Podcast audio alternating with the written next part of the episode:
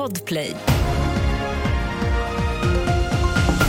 God eftermiddag. Ett danskt containerfartyg har utsatts för en raketattack i Röda havet och nu uppger USA att amerikanska helikoptrar sänkt tre mindre båtar med Iranstödda Houthi-rebeller som försökt ta sig ombord fartyget.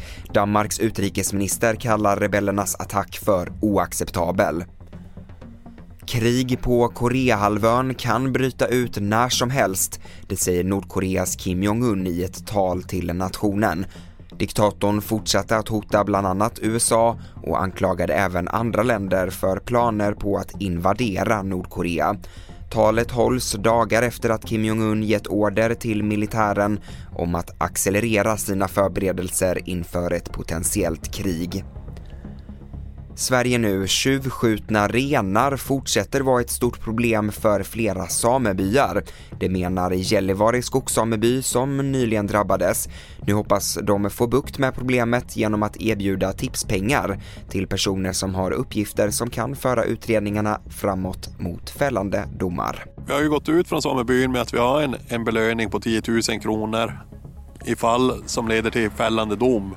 Ja, vi hoppas ju att, att det ska bli skillnad att de här 10 000 ska lite vara en morot i alla fall till de som vet någonting. Det sa Henrik Andersson, renskötare i Gällivare skogssameby. Fler nyheter på tv4.se och i appen TV4 Nyheterna. Jag heter August Håkansson.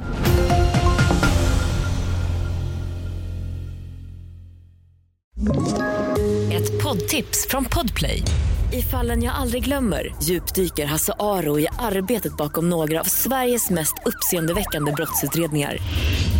Går vi in med hemlig telefonavlyssning och, och då upplever vi att vi får en total förändring av hans beteende. Vad är det som händer nu? Vem är det som läcker?